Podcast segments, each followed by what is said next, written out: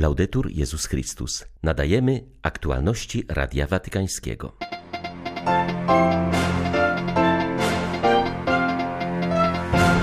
Papież zatwierdził dekrety spraw kanonizacyjnych. Dwa z nich dotyczą Polek, Rozalii Celakówny i matki Kazimiery Gruszczyńskiej.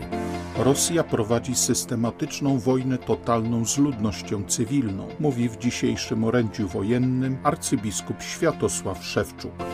Wbrew obiegowym opiniom Rosjanie nie są zgodni w ocenie wojny na Ukrainie, zapewnia katolicki ordynariusz Moskwy. Pomagam wiernym, aby nie bali się formułować ocen w świetle wiary, dodaje arcybiskup Paulo Pezzi. 9 kwietnia witają Państwa ksiądz Krzysztof Ołdakowski i Krzysztof Bronk. Zapraszamy na serwis informacyjny.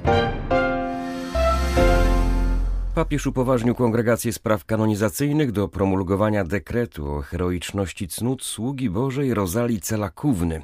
W Krakowie przeżyła 43 lata jako świecka pielęgniarka i opiekunka chorych w szpitalu świętego Łazarza.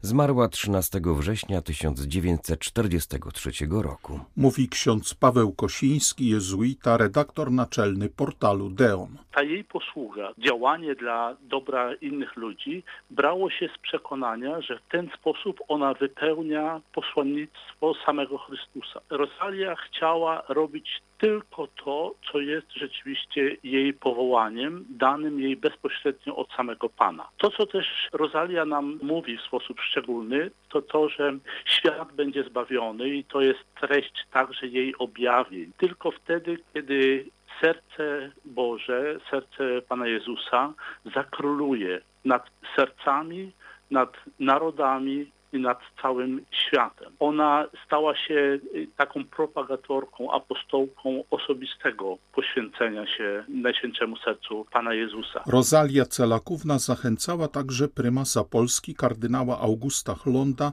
do poświęcenia narodu i Kościoła Najświętszemu Sercu Pana Jezusa. Dokonało się to już po jej śmierci w 1946 roku. Dzisiaj także Ojciec Święty upoważnił Kongregację Spraw Kanonizacyjnych do wydania dekretu heroiczności cnót matki Kazimiery Gruszczyńskiej, założycielki Zgromadzenia Sióstr Franciszkanek od Cierpiących. Żyła na przełomie XIX i XX wieku. Całe jej życie było drogą miłości dla człowieka dotkniętego bólem i chorobą.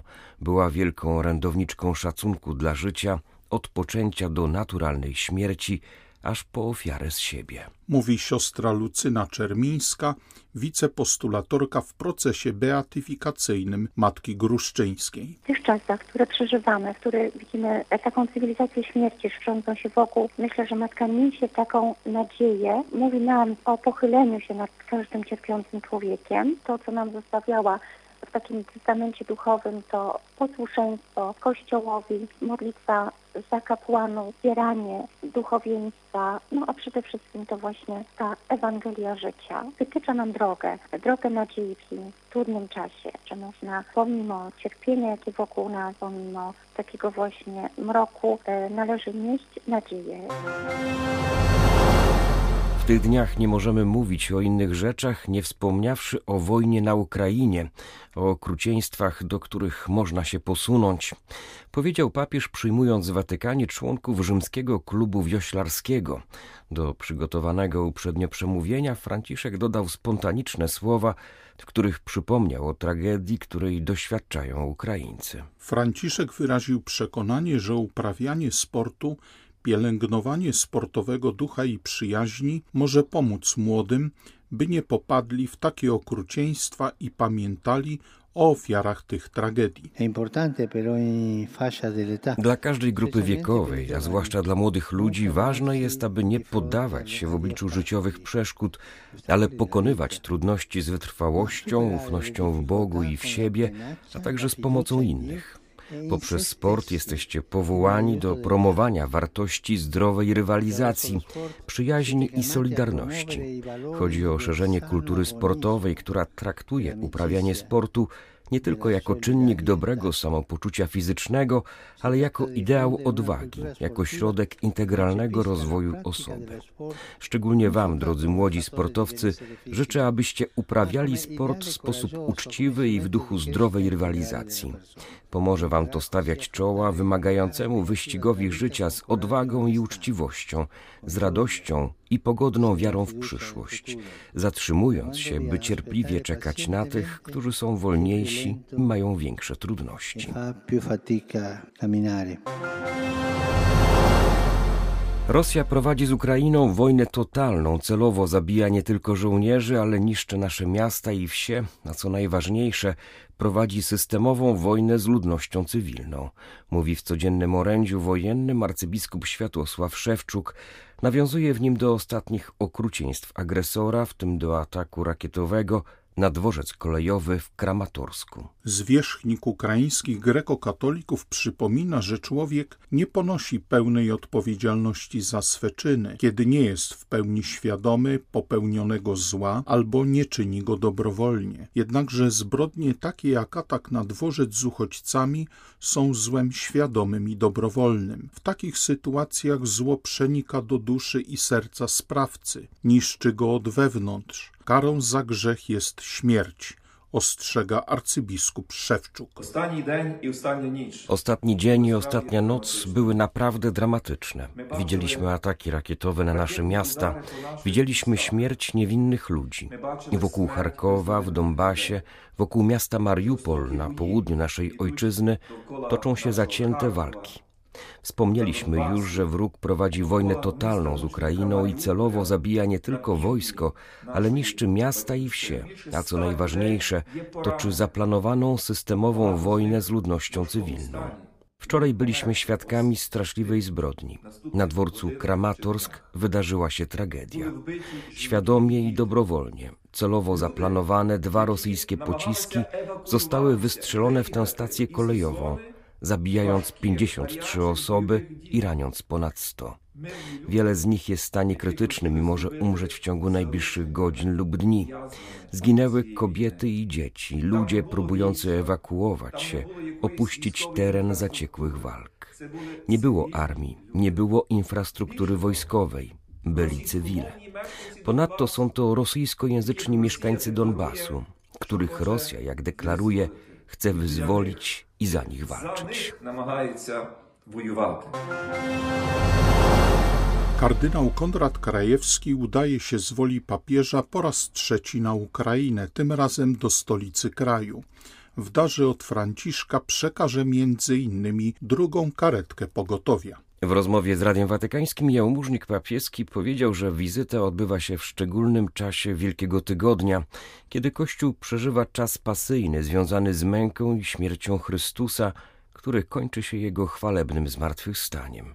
W tym wyjątkowym okresie dla chrześcijan Ojciec Święty chciał w ten sposób wyrazić szczególną bliskość z narodem ukraińskim. Właśnie w tym momencie Ojciec Święty bardzo chciał, żeby być na Ukrainie w Kijowie. Tym razem postaram się dojechać do Kijowa karetką, drugą karetką, świetnie wyposażoną, zupełnie nową, y, odebraną z Florencji, z fabryki, wyposażoną także przez szpital Bambino Gesù i tą karetkę chciałbym przekazać w Wielki Czwartek, jednemu ze szpitali, bowiem Wielki Czwartek jest ten gest obmycia nóg w liturgii. Jest to gest niesamowity, kiedy Jezus się uniża, kiedy Jezus tym gestem chce powiedzieć, jak bardzo Was kocham. Gest miłości, logika daru z siebie, on ofiaruje siebie i zaprasza do służenia drugiemu człowiekowi. Po myciu nóg apostołom tego gestu oni za bardzo rozumieli. Mówi, dałem Wam przykład, abyście i Wy tak czynili. Ojciec Święty chce przez ten gest karetki przytulić wszystkich, powiedzieć, jak bardzo Was kocham, bo karetka ratuje życie. Jedną z organizacji, które od samego początku wojny niosą pomoc Kościołowi katolickiemu na Ukrainie, jest papieskie Stowarzyszenie Pomoc Kościołowi w Potrzebie.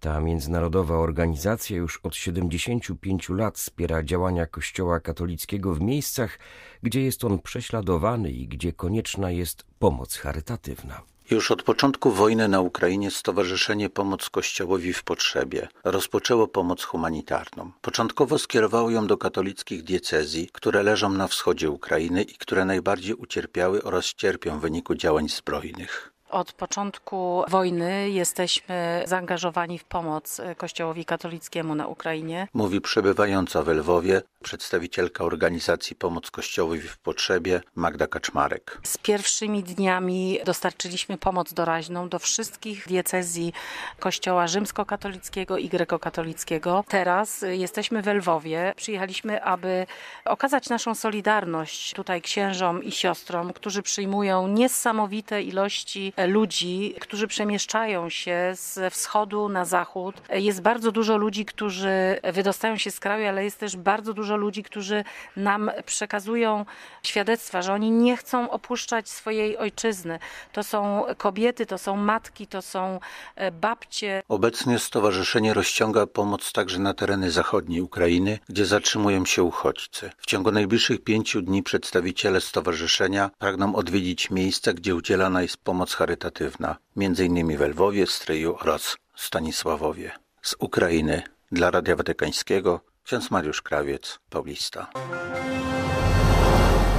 Widzę wśród Rosjan niepokój i obawy co do przyszłości, a także ból, szczególnie u tych, którzy mają bliskich na Ukrainie, mówi katolicki arcybiskup Moskwy. Hierarcha wskazuje, że wbrew powszechnym opiniom nie ma zgodności co do toczącej się wojny. Kiedy tylko mogę, odwiedzam parafię i pomagam wiernym, by nie bali się formułować osądów w świetle wiary mówi arcybiskup Paulo Pezzi. W tych dniach po rosyjskiej agresji na Ukrainę sytuacja katolickiego metropolity archidiecezji Matki Bożej w Moskwie jest bardzo delikatna. W obawie przed możliwymi represjami musi on ważyć każde słowo. W minionych tygodniach wielokrotnie wzywał wiernych, zarówno rosyjskich, jak i nierosyjskich, do modlitwy i postu w intencji zakończenia konfliktu zbrojnego. Modlitwa i post trwają we wszystkich parafiach, wspólnotach zakonnych i ruchach kościelnych, podkreśla arcybiskup Pecji. Wskazuje też na przebaczenie jako jedyną możliwą drogę rozpoczęcia od nowa, nawet po chwilach największego konfliktu. Jeśli człowiek nauczy się przebaczać, pokona nawet najstraszliwsze karty historii. Przebaczenie jest szczególnym wkładem, jaki chrześcijanie mogą wnieść w budowanie pokojowej przyszłości, zauważa. Pytany o możliwość papieskiej podróży do Kijowa wskazuje, że Franciszek jest obecnie największym autorytetem, który jest jest również bardzo słuchany w Rosji. Żadnych problemów ani światowych sporów nie można rozwiązywać przy pomocy wojny. Ekumeniczny patriarcha Konstantynopola mówił o tym w czasie spotkania z młodzieżą, które odbyło się w jego siedzibie na Fanarze w Stambule. Bartłomiej I jednoznacznie potępił rosyjską agresję na Ukrainę. Honorowy zwierzchnik światowego prawosławia wskazał, że jedynym narzędziem rozwiązywania problemów jest zawsze dialog. Jestem przekonany, że gdyby i tym razem wybrano drogę dialogu, udałoby się znaleźć rozwiązanie, mówił do młodych, jednoznacznie wskazując, że Rosjanie, dokonując agresji na Ukrainę, nie mieli racji. Patriarcha Bartłomiej stwierdził, że obecnego okrucieństwa wojny nie można usprawiedliwiać takim pretekstem, jak obecność NATO na granicach, co rzekomo miałoby zagrażać Federacji Rosyjskiej. Ekumeniczny patriarcha Konstantynopola wspomniał o barbarzyńskich atakach na bezbronnych i niewinnych ludzi, w tym dzieci, o celowym niszczeniu szpitali, szkół, teatrów i kościołów, wyraził głębokie ubolewanie z powodu wypowiedzi patriarchy moskiewskiego Cyryla, w których do tego stopnia identyfikował się ze stanowiskiem prezydenta Rosji Władimira Putina, że nazwał inwazję na Ukrainę świętą wojną. Były to aktualności Radia Watykańskiego. Laudetur Jezus Chrystus.